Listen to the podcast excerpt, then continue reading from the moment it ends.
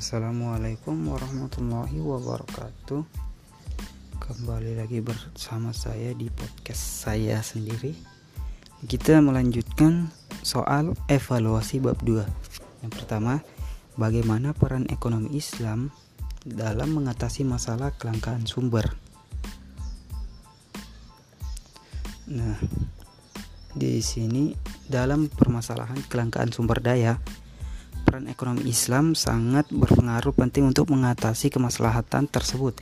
Ekonomi Islam akan memilih pemanfaatannya sumber daya untuk berbagi komoditas yang benar-benar dibutuhkan untuk mencapai falah dengan mengutamakan kemaslahatan dengan prosesnya seperti pemilihan input, proses produksi, hingga output dihasilkan pada saat pendistribusian dilakukan kepada individu secara adil melalui mekanisme pasar maupun metode kebaikan atau takaful sehingga individu dapat merasakan kemaslahatan dari komoditas yang diproduksi.